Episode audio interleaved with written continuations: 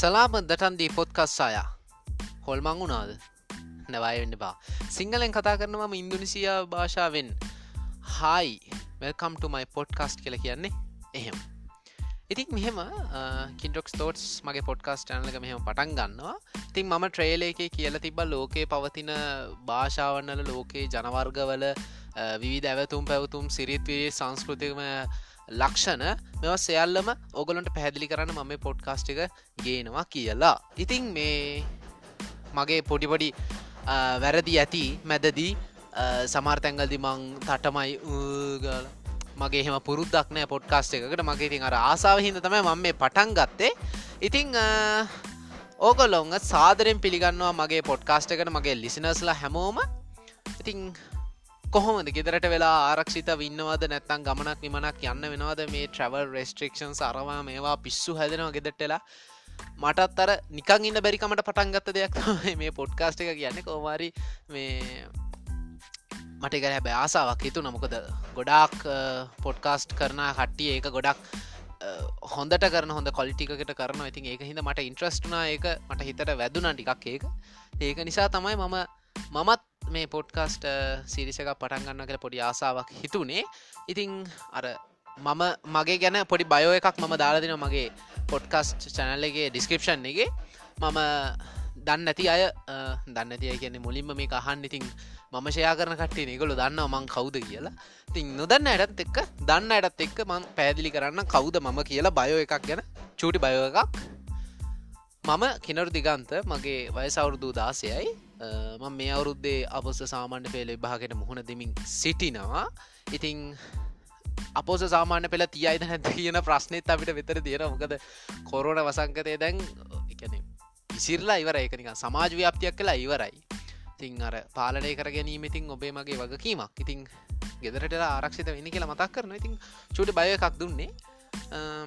එහෙනම් අපි කතා කරන කලින් පොඩි දෙයක් කියන්න. මොකද දැන් අර මම දන්න තරම තමයි. මම හොයල බලල මම මේ ගෙදර නිකං ඉන්නකොට නිකං පොතා පොතා කියවලා හොයාගත්ත කරුණු ටිකක් මේ එකතු කරලා මේ හදපු ප්ලෑන් එකක් තමයි අද වගේ පොඩ්කාස්ට ගෙ තියෙන්නේ ඉතිං මං හිතන මේක ගොඩක් ලොකු ඉන්ස්පය එකක් වෙයි කියලා කෙනෙක්ට දැනුමට සහ කෙනෙක්ගේ දැනීමට ගොඩාක් වටී කියල මං හිතනවා. ඉතින් ඒ අරමුණින් ඒ පිරිසිදු චේතනාවෙන් මම අද මගේ පොඩ්කාස්ට එක පටන් ගන්නවා. දලයිලාමා එක් වරක මෙහෙම සඳහන් කළ තියෙනවා. If you think you are too small to make a difference, try sleeping with a mosquito. ඔබ වෙනස් යමක් කරන්න යනකොට ඔබ ඒකට සුදුසු නැහැ කියල තේරෙනවන ඔබේ ඒකත් එක ගත්තහම ඔබ පුංචි කෙනෙක් නම් මදුරුවක් එක නිදාගන්න බලනි කියලා තමයි දලා එලාමතුමා කියන්නේ. ඒ කියන්නේ කිසිම දෙයක් ලෝකෙ කරන්න බැරි දෙයක් නෑ. ලෝක හැම මනුස්සේට කොච් කොහොම හරි මහන්සේලා මහන්සේලා මහන්සේලා ඒ තැනට ළඟාවෙන්න පුළුවන්. එක නියමයක්. අපිට වනත් දැන් අපිට මුලින් හිතනවා මට මේක කරන්න බෑ. මේක හරියන්න අනේ. එහෙම කියලා හිතුනට අපිට පුළුවන් මොනව හරි නූල් සූත්‍රයක් හරි පාවිච්චි කල්ලා අපිට ඒ වැඩේ 100% නොවනත් අපිට යම් සාධනය මට්ටමකට මේක අපිට මේ වැඩේ අපි ලව්වම සිදු කරගන්න පුළුවන්. හරිද? ඒකට අර අපේ හිතේ සැඟවිලා ඉන්න අධිෂ්ඨානයසා කැපවීම කියන දරණ ගහන් ඉන්න සර්පයෝ දෙන්නවා අපි නැගී සිටුවන්න එහෙම නැත්තං අපිට කවදාවත් අලුත්දයකට වෙනස් දේකට හැරෙන්න්නට බැහැ අපි සාම්ප්‍රදායික පුද්ගලයන් පිරිසක්ම පමණක් වෙනවා. සාම්ප්‍රදායක පුද්ගලයන් පිරිසක් පමණක් වනවාට වඩා හොඳයි. අපිකක් වෙනස් විදිහට ලෝකෙන් වෙනස් විදිහට දැන් බාහිරව පමණක් නෙවේ අපිට පුළුවන් අපේ දැනුමෙන් අපේ මනසිං ආධ්‍යාත්මික වෙනත් කෙනෙක්ට වඩා වෙනස් වෙන්න. ඉතින් ඒදේ කරගන්න ඔබ උත්සාහ ගන්න ඉතින් මම මේ පොඩි ස්ටාටිං එකක් ගත පොඩ්කාස්ට එකට. මයික එක පැහැදිලිද දන්න ලෝකල් මයික එකක් තියන්නේ. අනාත විදියට පොඩ්කාස්ට පටන් ගන්න මම. හරි ඒක නිසා ගණන් ගන්න එපා ඒක. දැන් ඊය වෙසක්. ඊය වෙසක් තිබ්බේ. තිං මේ අපේ ගෙවල් අවටත් අපේ ගෙතරත් වෙසක් කූඩු දෙකක් හැදවා. ඊට පස්සේ පාරයෝය වෙසක් කූඩු එල්ලලා ඒවට ලයිට් සයි කරා. එක පුළු පුළුවන් ඉදිහට අපි වෙසක් සැමරුවා. වැටිමාර කොටුටික කෝටු හිටවලා ඒව පලලා ඒව උඩින් පහන් තියලා ඒහෙම පහන් වැටි හදල තිබා ඉතින් මේ වගේ ලස්සන් ලස්සන් සැරසල තිබ පුළුවන් තියට බකට් සෙල්ල තිබ ඉතින් මේකත් එක්කම ඉතින් ඒ වෙසක්නේ. ඉතින් අද අපි කතා කරමු පොඩ්ඩක් බුදු දහමට සමීප වෙච්ච අපි කවුරුත් අහල තියෙන දෙයක් ගැන. හරිද? ඒක මම කතා විස්සරහද පැහැදිලි කරන්න හරිද? බුදුරජාණන් වහසේගෙන පොඩ්ඩක් පොඩි විනාඩියක් අපි කතා කරල බලු බුදුරජාණන් වහන්සේ ඔගොල දන්න කාරණය තමයි ක්‍රිස්තපූර් හයිවනි සේවසේදී ශාක්‍ය සමූහාණ්ඩුවේ භාරතයේ ශාක්‍ය සමූහාණ්ඩුවේ උත්පත්තිය ලැබුවේ සිද්ධාර්ථ ගෞතම දැන්න වත්තමාන නේපාලය. පරිනිර්වාණය වනේ අවුරුදු අසුවක් ආයු වලදලා අපේ බුදුරජන් වහන්සේ පරිනිර්වාණය ලැබවා. ඉතිං මේක තමයි මේ බුදුරජන් වහන්සේක පොඩි අර විශේෂම තැන්ටිකක්තින් ඉපදීම සහ කෙනෙක්ගේ ඉපදීම සහ ඔහුගේ මරණය තමයි ජීවිතේ තියෙන අර ස්පෙශල් ඉවෙන්ට් දෙක. සිදු වෙන සහ ස්පෙශල් ඉවෙන්ට් දෙක තමයි ඒක. ඉතින් බුදුරජාණන් වහන්සේගෙත් පැදීම ආකාරයෙන් සිද්ධ වුණා පරිනිර්වාණය ආකාරය සිද්ධ වුණා. සිද්ධාර්ථකින නමේ තේරුම මොකක්ද අපි දැන් දන්නවන ඔය බුද්ධාගම තුන වසරින්දල දෙකවසරින්දල උගන්නන සිද්ධාර්ථ ගැන ලෝකයට යහපතක් කරන්නගෙන අදහසන. හරිද? සිද්ධාර්ථ කියන්නේ සංස්කෘත භාෂාව වදනක්. හරිද? ඒක පාලි බසින් ගත්තොත් සිද්ධත්ත කියන වචනය තමයි සිද්ධාර්ථ කියන සංස්කෘතික වචනේ පාලි වචනය සිංහලෙන් සිද්ධාර්ථ කියන වචනය සිදුහත් කියලා මේක භාෂාව කැඩල කැඩලා එනවා. හරිද? දැන් මං අර කලින් කිවන බුදුරජාණන් වහන්සේ නැත්තං හෙම නැත්තං අපේ සිදුහත් කුමාරයා උත්පත්තිය ලැබුවේ ජන්මය ලැබුවේ නේපාලය කියලා. අර්ථමාන නේපාලය. හරිද? වර්තමාන නේපාලය දැන්නම් මේ වර්තමාන නේපාලය කොවිඩ් වසංගතයත් එක්ක බෝම බැටකනවා දැන් අර ඉන්දියාවේ බෝඩස්වල තමයි මුලින්ම තිබේ මේ වෛරසක හැබැයිද නේපාලේ මධ්‍ය ප්‍රදේශයට පවා මේක ව්‍යාප්ත වෙලා තින බොහෝම දරුණු තත්වයකට මේක ඇවිල්ල තියෙනවා. ඉතින් නේපාලය ගැන අපි චුට්ටක් කතා කරමු. නේපාලේ අගනුවර තමයි කත්මණ්ඩු. අපි කත්මණ්ඩු කියලා කතා කරාට නේපාලේ ඇතැම් භාෂාවල මේ අගනුවරේ වචනය පරිවර්තනය කරලා තියෙන්නේ කාන්ට් මාන්්ඩෝ කියන වචනය. කාන්ට් මාන්්ඩෝ කියන වචනෙන් තමයි මේ අගනුවර හඳුන්නන්න නේපාලෙ තින භාෂාවන් බර ගානක් මං ඒකින් කිහිපයක් සඳහන් කරන්න. නේපාලි තමයි බහුතරව තියෙන්නේ. මං මේ එක දෙක තුන මෙහෙම අර අඩුවන පිළිවට තමයි මේ භාෂාවන්ටික තියන්නේ. නේපාලි තමයි වැඩිපුරම කතා කරන්න සියට හතලිස් හතරක් මේ දෙදස් එකොළහෙ වාර්තාවලට අනුව. මෛතිලී බෝජ්පූරී තාරු තමාං නේවාර් බජ්ජිතා මගර් දොටෙලි උර්දු. මේ වගේ භාෂාවන් ගොඩාක් තියෙන තව විස්සකට අධික වෙච්ච භාෂාවන් ටිකක් තියෙනවා.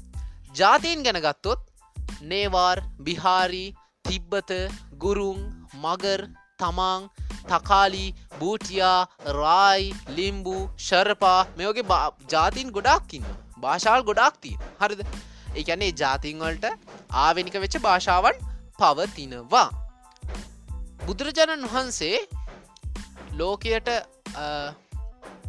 පන්සාලිස් වසක් එහනත්තං අවුරදු හතලිස් පහක් මේ ලෝකයාගේ හිතසුව පිණිස ධර්මය දේශනා කර. බුදුන් වහන්සේ මේ ලෝකයේ පවතින සියලුදේ අනිත්‍යතාවේද මේවල තිබෙන නැවත බිහිවීමද නැවත ඇතිවීමද නැතිවීමද මේ සියලුම කාරණ ගැන තමන්ගේ දහමින් ලෝකයාට තේරුම් කරෙව්වා. එ තේරුම් කරේ සිංහල භාෂා වෙන්නවෙේ සිංහල භාෂා වෙන්න වෙයි සංස්කෘත භාෂාවනුත් පාලි භාෂාවෙන්. ඔන්න අද අපේ කතාවේ මාතෘකාව පාලි භාෂාව.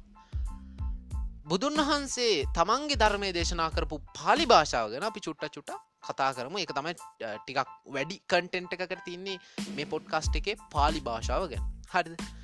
තේරවාදී බුද්ධ ධර්මය. දැන් අපේ බුද්ධ ධර්මය බුදු දහම ගත්තහම ජාති දෙකත්ති නොනේ තේරවාද සහ මහායාන. තේරවාද බුදු දහම තමයි ඉන්දියාව නේපාලය ශ්‍රී ලංකා විදිට අපි මේ රටවල්ටික අනුගමනය කරන්නේ තේරවාද බුදු දහම. හරිද? තේරවාන බුදු දහමේ භාෂාව තමයි පාලි භාෂාව. මහායාන බුදු දහමේ භාෂාව. නැත්තන් ඒ ඇන අක්නිදිගාසියාතික රටවල් පාවිච්චි කරන භාෂාව තමයි සංස්කෘත භාෂාව. පාලි භාෂාව උපත ගැන ඔබ දන්නවාද? පාලි භාෂාව මධ්‍ය ඉන්දු ආර්ය සම්භවයක් තියෙන උතුරු භාරතය භාෂාවක්. මේ පාලි භාෂාව ඉන්දු ආර්යවේද බසට හා භාරතීය උපභාෂාවන්ට බොහෝ විට සමීප වුණත් මේ භාෂාවන්ට රිජුවම සම්බන්ධතාවයක් නෑ. රිජුවම සමාන නෑ. මෙවල වක්‍ර සම්බන්ධතා තියෙනවා. හරිද? හැබැයි පාලි භාෂාව ඒ විදිහට රිජුවම සම්බන්ධ නෑ කියලා කිව්වට සමහර විද්‍යතුන් ප්‍රකාශ කරනවා මේක වේද.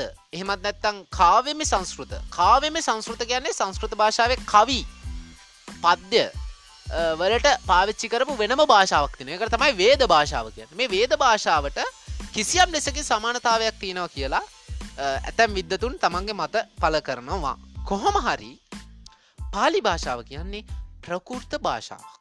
සමහර අය පාලි භාෂාව එහෙම එකක් නෙවෙයි පාලි භාෂාව ස්වාධීන භාෂාවක් කියලා මත පල කරනවා. කොහොම වුණත් මේ පාලි කියන වචනය තේරුම තමයි පේලිය කියන අර්ථය. පේලිය. පාලි භාෂාව වෙනම භාෂාවක් විදිහට අපි සැලකුවත් පාලි කියන වචනේ. දැන් පාලි භාෂාව වෙනම. හරි පාලි භාෂාව නෙම මම මෙතනදි අර්ථ ගන්නන්න හදන පාලි කියන වචනය තේරුම්. පාලි කියන වචනය තේරුම තමයි පේලි කියලා අපි කලින් කිව්වනි. පාලි කියන වචනය සංස්කෘත වචන. පාලි කියන වචනය පාලි භාෂාවනය පාලි භාෂාව කියෙන වෙනම භාෂාවක්. පාලි කියන තේනුම තමයි පේලියකින අදහස සංස්කෘත භාෂාව. ඉතින් මේ පාලි භාෂාව නිසා ටයි මොන් හා කෙමර් කියන භාෂාවන් අක්නිතිකාශයන් භාෂාවන් මේකෙන් පෝෂණය වෙලා තින කියලත් කතා බහට ලක් වෙනවා. අපි දැ බලමු. දැමන් කිව්වන පාලි භාෂා කියන ප්‍රකෘත භාෂාවක් කියලා. එකන්නේ පියවි හැසට දකින්න පුළුවන් ඇත්ත ඇති සැටියෙන් දකින්න පුළන් භාෂාවක් කියලා. ප්‍රකෘත භාෂාවක් කරන ඒකට. අ බලමු. ලෝකෙ තවත් තියෙන ප්‍රකෘත භාෂාවන් මොනවාද කියලා. හරි. මං මෙතනදී පොඩි වාකයක් එලිය දාන මේකනිකක් මැද්දෙන් ගහන එම්බෝස්මටක් කියල හිතාගන්නක. හරිද? දැන් කෙනෙක් අපිට මොනහරි දෙයක් කියනවා. ආනේ මචම් මෙහෙමයි මචන් මේක මේම වුණා. හරිද? මික එකන්නේ තනි වැල් වටාරමක් කියවන්න. හරිද? දැන් අපිට මෙලෝ දෙයක් තේරෙන්නේ. අපි අන්තිමනොකද කියන්නේ? මොන අප බ්‍රන්ස ඇද බං ඔබ මේ කියවන්නේ? කියල අපි කියනවන්. මේක භාවිතය පවතර වචනය. මොන අප බ්‍රන්ස ඇද බං ඔබ මේ කියවන්න? වට නොන්සස් වට නොන්සන්ස් වට ග්‍රීක් මචන් කියල තමයි මේක ඉංග්‍රීසින් කියන්න. හැබැයි ඔබ දන්නවාද? ඔබ ඔය නොදනුවත් කමට ඔය හැමෝම කිය හිද ඔබ කියනවන. ඒකනෙ ප්‍රධාන කරන්න දැ ඔබෙන් ඇහුත් ඇයිවා ඕක කියන්න කියලා හේතු ඇහුවෝත් ඇයිවා ඔය අප බ්‍රන්ස කියන වචනය ඔතන්ට යෙදුවේ කිය ඇහුවොත් ඔබ අනිවාරෙන් කියන්නේ අර අනිත් මිනිස්සුත් ඔය වගේ වෙලාවකට කියන්නේ ඕකයි. අර අනිත් මිනිස්සුන්ග සංසධනය කරලා තමන්ගේ උත්තරයක් හදාගන්න. එක තමයි හැම වචනදම සිද්ධ වෙන කාරණය හරිද? හැබැයි අප බ්‍රන්ස කියන වචනට ඔට වඩා බැරෑරුම් කතාවක් තියෙන අපබ්‍රංශ කියලා කියන්නේ භාෂාවක් කියල ඔබ දැනන් හිටියද? ඔබ දන්නවද? අපබ්‍රංශ භාෂාව ඉන්දියාව නැත්තං අතීත භාරතයේ බොහෝ භාෂාවන්නල මූල බීජය කියලා. ඔබ දන්නවද? දන්නනේ දන්න ඇති. සමහරය බහුතරයක් නොදන්නවා ඇති. අපබ්‍රංශ කියලා කියන්නේෙත් එක්තර ප්‍රකෘත භාෂාවක්. පාලි අර්ධ මාගදී වයිශාවී ඒවගේම මහාරාෂ්ටී මහරාෂ්ටිකින් භාෂාවට දැන් කියන මරාටි කියලා. ඉති මේ භාෂාවන් හැම එකක්ම වගේ ප්‍රකෘත භාෂාවන් ඒවගේ මං කලින් කිවන අපබ්‍රංශ භාෂාව භාරතයේ බොහෝ භාෂාවන්නල මූල බීජය කියලා. හරිද? ඉතිං ඒකට හොඳම උදාහරණ තමයි හින්දි භාෂාව. හින්දි ගුජරාටි වගේ භාෂාවන් පවා නිර්මාණය වෙලා තියෙන්නේ ඒවල මූල බීජය විදිහට සලකනු ලබන්නේ අපබ්‍රංශ භාෂාව. අපබ්‍රංශ කියනක තේරුම තමයි නිවැරදි භාෂාව නැතිවීම කියන අදහස. නිවැරදි භාෂාව නැතිවීම. ගැන හරි භාෂාවක් හරි ලැංගේජ එකක් නෑ කියන අදහස තමයි අපබ්‍රංශ කියන වචනේ සරල තේරුම. ඉති ඒක ඇත්තනේ මොන අපබ්‍රංශ ඇද බං උබ කියවන්න කියලා කෙනෙක්ගෙන් ඇහුවෝ අපබ්‍රංශ කියන්නේ එතනති කියන්නෙත් උට තේරෙන් නැති දෙයක් ගැනය වහන්නේ තේක් හරි තැනදී හරිද? ඒවගේම තවත් කාරණයක් තියෙනවා. අප බ්‍රංශ භාෂාව කියන්නේ ප්‍රත්්‍යය අඩු ඒවගේම නිපාත වැඩි භාෂාව සිංහලේ හෙමට මේ සිංහලේදී ප්‍රත්්‍යයත් වැඩි නිපාතත් වැඩි. සිංහල නික පිස්සු හැදෙන ඉගෙනගන්න යන කරන්න සමාස සන්දී විසන්දීය තව මොනාද තියෙනවනේ? මම ඕලවල් ලියන කොල්ලෙක්කින්ද මම දන්න ඕක තියෙන කට්ට කොහොමද හැබැයි ඉගෙනගත්තුත් හරි වටි නොමොකද සිංහල භාෂාව දැන් ලංකාවේ භාවිතාවන භාෂාවක් විතරයිනේ. ලෝක අනි රටවල භාවිතා වෙන්නෑන හැබැයි අපිට පුළුවන් අපේ දැනුම හරියට අපි කැප්ච කරගත්තොත් ඒ දැනුමෙන් අපිට මුළු ලෝකයක් වෙනස් කරන්න පුළුවන්. අපට භාෂාව තවටිකක් මේක වර්ධනය කරන්න මේක තවටික් ප්‍රචාරය කරගන්න අපිට හැකියාවක්තින ඉතින් කොහොම හරි මේ සමාස තද්දිත මේවා අපි ඉගෙන ගමු කොහොමහරි හරි දත කාගෙන ඉගෙන ගත්තොත් මොගක් හරිගේමක් ගහගෙන පුළුව හරි දැන්මං අයි කතාවට එනවා. අප බ්‍රංශ භාෂාව කියන මංකිවන ප්‍රත්්‍යය අඩු හැබැයි නිපාත වැඩි භාෂාවක් කියලා. අපිට ඒ ඒ මතය පාවිච්චි කල අපට පොඩි තීරණයකට එන්න පුළන් පොඩි තීරණයකට එලබෙන්න්න පුළුවන්. ඒ තමයි දැන් අර මංකිවන හින්දි ගුජරාටි වගේ භාෂාවන් මේ අප බ්‍රංශයෙන් හැදිලා තිනි කියලා. අප බ්‍රංශය තමයි මූල බීජය කියලා. ඉතිං අපට එක හිතන්න පුළුවන් මේ හින්දිය ගුජරාටි කියන භාෂාවන් වලත් ප්‍රත්්‍ය අඩුයි. හැබැයි නිපාත වැඩි කියන අදහස් අපිට දෙන්නත් පුළුවන්. හරිද? දැන් අපි පාලි භාෂාවෙන් පන්නරය ලබාගත් තවත් ලෝකේ හැමෝම දන්න භාෂාවක් ගැන කතා කරමු. ඒ තමයි තයි. එහෙමත් නැත්තං ටයි භාෂාව ගැන. කවුරුත් දන්න තායි භාෂාව ගැන. හැබැයි හරි නම තායි නෙවෙයි. හරි නම තයි. හැබැයි ඊටත් වැඩිය හරි නම තමයි ටයි ටයි ගැන මහා ටයි ගැන අපි බෙල්ලේ හිර කරගන්න ටයි එක නෙවෙයි. ටයි කියන්නේ මහාප්‍රාණට මහාප්‍රාණට අකුරත් එක්කෙන ටයි කියන වචනය. මං මෙතන ඉස්සරහට කතා කරන්න මේ ටයි කියන වචනය පාවිච්චි කරලා. හරිද? මේ ටයි භාෂාව අයත් වෙන්නේ ටායි කියන භාෂා පවුලට භාෂා ගණයට අයිති වෙනවා. දැ මේ ටායි භාෂා පවුලට ලෝකයේ භාවිත භාෂා ගොඩාක් අන්තර්ගත වෙනවා. ඒ අතර චීනයේ භාවිත භාෂාවන් තියනවා. හරිද? චීනය භාවිත භාෂාවන් විශේෂයි. තවත් ලෝකේ ඇතැම් හැංගිච්ච භාෂාවන් මංකිව නර ට්‍රේලේකේදී භාෂාවන් හයිදස් පන්සියකට වඩා තියෙනගෙන ඉංග හයිදස් පන්සිය හෝ ඊටත් වඩා තියෙනවනං හෝ ඕලින් කත් දෙයක් කරි අනිවාරය තියෙන චීනය පවතින භාෂාවන් විශේෂයි. ටයි යන වදනේ තේරුම තමයි නිදහසකින් අරුත. ටයි භාෂාව ඒ භාෂා ඉගෙනගත් පුද්ගලට නිදහසේ පාවිච්චි කරන්න පුළුවන්. ඒක කවුරුත් දන්න කාරණ ඉතින් ඒක වචනයෙන්ම තේරුම් කරලා දුන්න එක තාම වටිනවා සහ ඉතාම එක ඉතාම හොඳයි. කොද වචනෙම්ම ඒ භාෂාව තේරුම අපිටි ගෙන ගත්තන කොච්චල් ලේසිත් නේද? ඇත්තටම කිවොත් ටයි භාෂාව තුළ තියෙන අක්ෂර භාවිතය සහ පද ගැලපීම අතුරින් ගත්තොත් සිංහල භාෂාවට සුළු සමානකමක් තියන කියලා අපට අඳුනගන්න පුළුව සිංහල භාෂාවට චූටි සමානකමක් තියෙන ඔබට මේ ගැන වැඩිතුර ඉගෙනගන්න පුළුවන්. Google තියෙනවා පුත්පත් තියනවා පත්තර තින මේ ඕන එකකින් ඔගලන්ට හොයල බලන්න පුළුවන්. මේ සිංහල භාෂාවත් එක්ක ටයි භාෂාවිතින සමානකම් මොනවාද කියලා. හරිද? ඒ වගේම තමයි දැ මේවල තියෙනවා ඒක ශබ්ද සහ බහු ශබ්ද කියන ගුණාංග. මේ ගුණාංගවලින් දමිල භාෂාවටත් ටයි භාෂාව සමානයි කියලා අපි කියන්නත් පුළුවන්. අපිට මේකට එක උදාහරණයක් තියෙන මයි උදාහරණය කියන්න හරිද? දැන් බහුශබ්ද කියනකට උදාහරණයක් ගත්තොත් දමිල භාෂාවේ ප අකුර බ අකුර විදිහටත් පාවිච්චි කරනවා. ඒ වගේ තමයි. ටායි හෝඩියේ ද අකුර ත අකුර විදිහටත් පාවිච්චියේ තියෙනවා. ඒ වගේම සමහරලාකට එක මහප්‍රාණට කියන ශබ්දයටත් පත්වෙනවා දැන් ත අකුරට ට හඬයේදීම තායිවනුන්ගේ විවාහාරය භාවිතා වෙන තායි බස ඔගලට වැඩිදුර අධ්‍යනය කරගන්න පුළන් Google තිනවා පොත්පත් තියෙනවා. ඕන තරන් හවාගන්න පුළුව රෙසුසස් තියෙන එවලින් බලලා ඔගලන්ට පුළුවන් එක් ගැන දැන ගන්න මං එක් ගැන වැඩිදුර කතා කරන්න යන්නේ නැත. හරිද? දැන් තවත් උදාහරණගත දැන් ප්‍රදේශ කියලා අපි සිංහලෙන් කිව්වට ඒකේ සංස්කෘත වදන කැනෙ ප්‍රදේශ කියන වචනය සංස්කෘත භාෂාය වදන හරිද?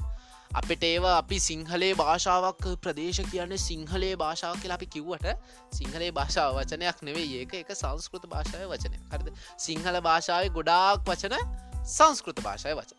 හරි අපි පාවිච්චි කර සිංහලේ වචන. හරිද? ඔගොලොන්ට බලහොන්න පුළුව මේ ප්‍රදේශ කියන සිංහල භාෂාවයයි මවාගත්තු සංස්කෘත භාෂාවේ වචනය ටයි බසේ ප්‍රතේත් නැත්තම් ප්‍රතෙත් කියලත් හඳුන්න ඒවගේම ප්‍රදේශ ප්‍රදේශ ප්‍රාදේශ කියලත් හඳුන්වනවා. හරිම කියන්නේ දැන් බලන් වචනෙන් වුණත් ඒ අර අර සමානකමේ වචන ප්‍රනන්සේෂන් එකින් වුණත් යම් යම් සමානකන් තියෙන සිංහල භාෂාව. හරිද?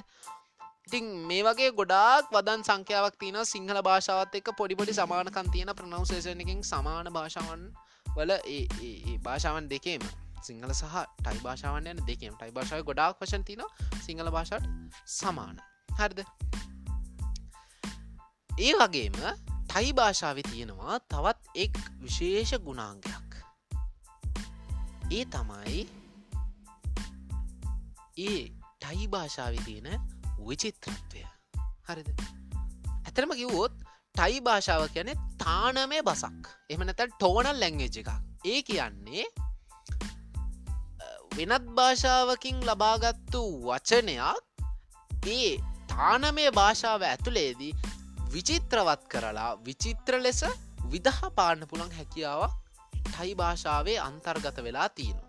හරි ඕකටත් අපි උදාහරණයක් බලමුකෝ. දැන් ඊට කලින් කියන්න ඕනේ තායි භාෂාව වගේම චීන භාෂාව ඇතැම් රතු ඉන්දිය භාෂාවන් වගේම අප්‍රිකානු භාෂාවන් වගේම යුරෝපිය භාෂාවන්ති ගැන ලෝකේ භාවිතාවන වච භාෂාවන් ගොඩක්. ලෝකේ භාවිතාවන භාෂාවන බහුතරයක් ටායි භාෂාව වගේම ටෝනල් ලැංගේච් එකක්.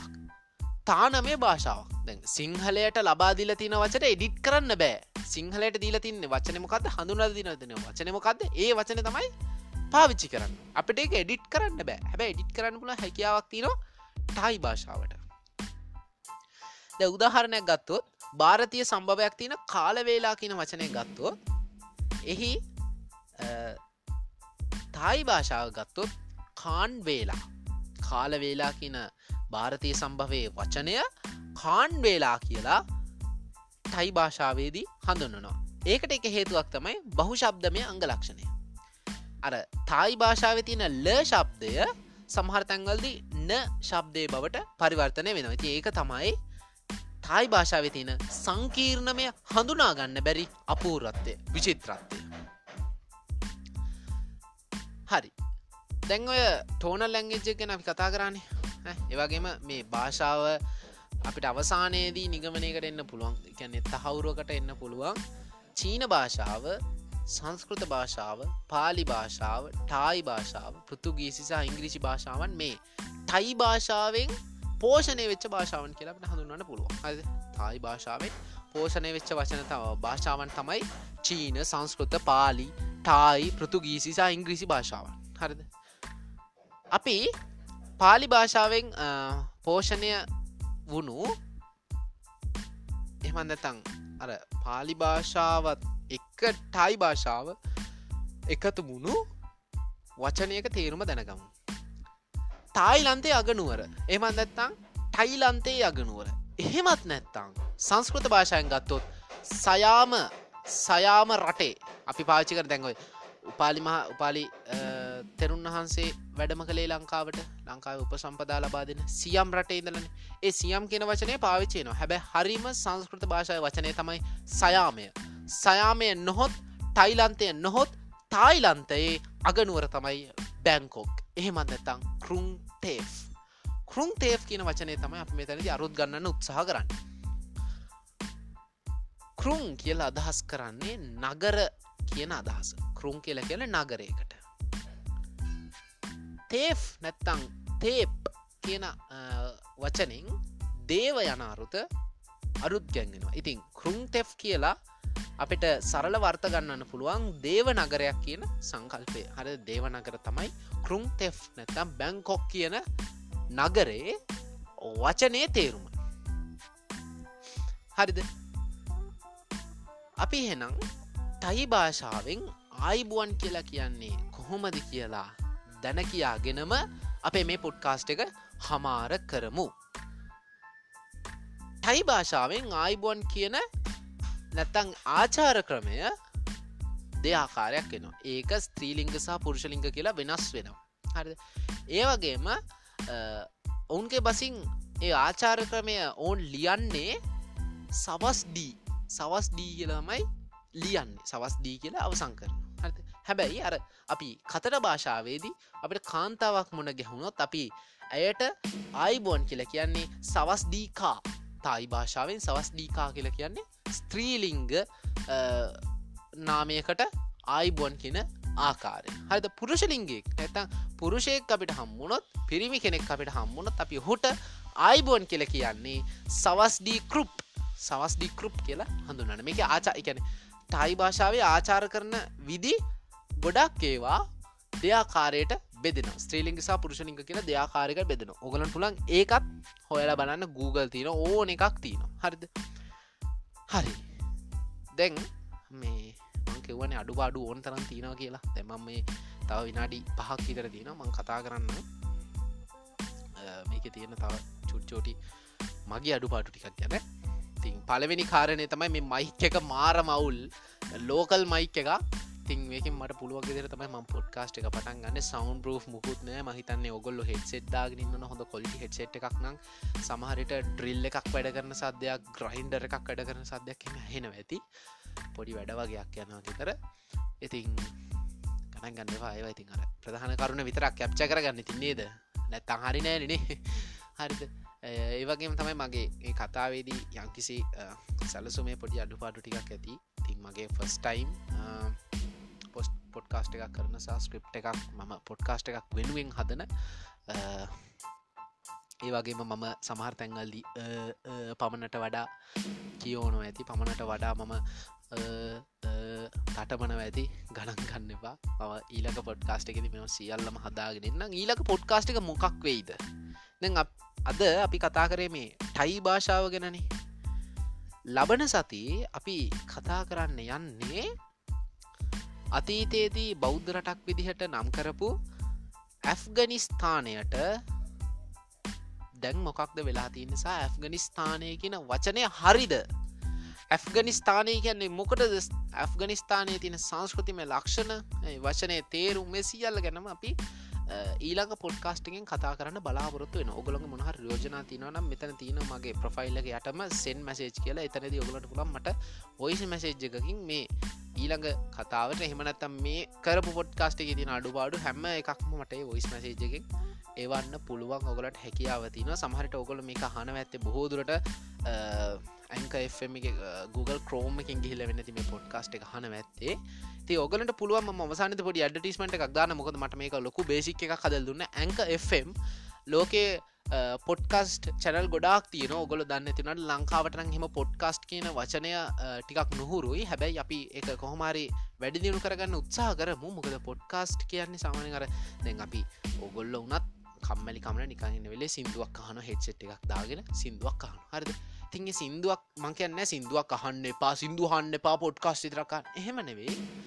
සිින්දුත් අහන්න. හැබැයි අර පමණට වඩා ඒකත් ඕන්න නෑමොකද ඒ ගත කරන කාලේ අපිට පුළුවන් වෙනත් ආයෝජනයකට යොමු කරන්න. ඉතින් ඕගොලොන්ට පොතක් කියවන්න තරම් එතන කාලය සීමිතයි නං පොතක් කියවගන්න බැරි තරම් කාලය සීමිතයි නම් ඔගලන්ට පුළුවන් පොඩ්කාස්ට එකක් අහන්නේ. පොඩ්කාස්ටල ගොඩක් වටන දෙවතින මගේ විතරක්නේ ලංකාව ම දන්න ප්‍රධානම පොඩ්කාස් චල්ලයක් තමයි ඩිල්ෂන්ස් තෝට් ඉතිං මම බොහොම ස්තුතිවන්ත වෙන්න ඕනේ දේශන්න අයට තිං ඔහු තිහා බලාගෙන හුගේ ඉන්ස්පයකකින් තමයි මම මගේ පොඩ්කස් චැනල එක පටන්ගත සහ මට ලොකු මෝටිවේෂණ එකක් ලැබුණේ ලේෂන්නයගේ නැත්තං කවුරුත් දන්න මයිහබ් ඩොටරගේ ඩේෂන් ටෝට්ස් කරන ඩිල්ෂාන් අබේ ගුණවර්ධනගේ ඒ පොඩ්කස් චනල එකෙන් තමයි මට මෝටිවේෂණ එක මටත් කරන්න ආසාාවක් හිතන ඉතින් නිසා මත් පටන්ගත බොහම ස්තුතියි දේශන බේගු වදන සහදරකට මහිතන ඇති අහන්න ඇති කියලා කමක් නෑ මම ස්තුතියි පල කරන්න ඕන අනිවාරයම උබද ගමනක් පටන්ගන්නකොට ගමනට උදවකරපගෙන අනිවාරය මතක් කරන්න ඕන්නේ ඉතින් හොටත් බොහම ස්තුති ඉතින් පොඩ්කාස්ට් කියන අපි කොහමරි වැඩි දියුණු කරගම රට ඇතුළේ පොඩ්කාස් චනල් ලංකාවේ. මම දන්න විදිහට ක්‍රියාත්මක වන ගැන දැනට පවතින පොට්කා ප්‍රසිද්ධ පොඩ්කාස්ටන්නේ කිහිපය ඩිසන් පොට් පොඩ්කාස්ට එක ඩිසන් තෝට්ස් වගේ මිලිමිනේෂන් පොඩ්කාස්ට ටෙක්ටක්ෂෝ එක මලින්ද සහ තවත් සහෝදරය එක එකතු වෙලා කරන පොඩ්කාස්ට එක සවන්් ලව් කියන්නේ එක ති මේ වගේ ක්‍රියා කරන එකන ඇක්ටව් පොඩ්කාස්ටේන්නේ දෙකයි තුනයි ලංකාවිතින් මටත් අන්න ඒ අතලොස්සට යන්න පුළුවන් වුණොත් මගේ ජයග්‍රහණයක් ඒක. මං ඒක ප්‍රබලව දකින කාරණයක්. ඉතිං කාලය තිමීට ගෙවිලන පැය භාගය මගේ පලවෙනි පොඩ්කාස්ට එක තියෙන්නේ. පැයේ එකහමාරේ පැයක් පැයක හමාරක් එහෙම යන පොඩ්කාස්තිනවා ම ඉස්සරහට ඒ වගේන බලාපොරොත්තු වෙන්න මගේ දැන් කටරි දෙනවා. මොකද මගේ පලවෙනි පොඩ්කාස්ට එක නිසා මට මේක පුරුදුට හැ තින් එහෙනම් මම අදට පොඩ්කාස්ට එක අවසං කරන හැම සතියකට පාරක්ම පොඩ්කාස්ට එකක් අප්ලෝඩ් කරනවා. ඉතින් ලබන සතියේ මගේ පොඩ්කාස්ට එක සෝලෝ පොඩ්කාස්ට එකක් නොවෙයි කියලා බොහෝ දුරට හිතන්න පුලන් මොකද මාත් එක්ක එකතු වෙන්න සහෝදරයෙක් ඉන්නවා ලෑස්තිවිට ඉතින් ඔහුත් එක්ක අපි ඇෆගනිස්ථානය ගැන කතා කරම. ඇෆගනිස්ථාන් මොකද වෙලා තියන්නේ මේවත් ගැන අපි කතා කරමු.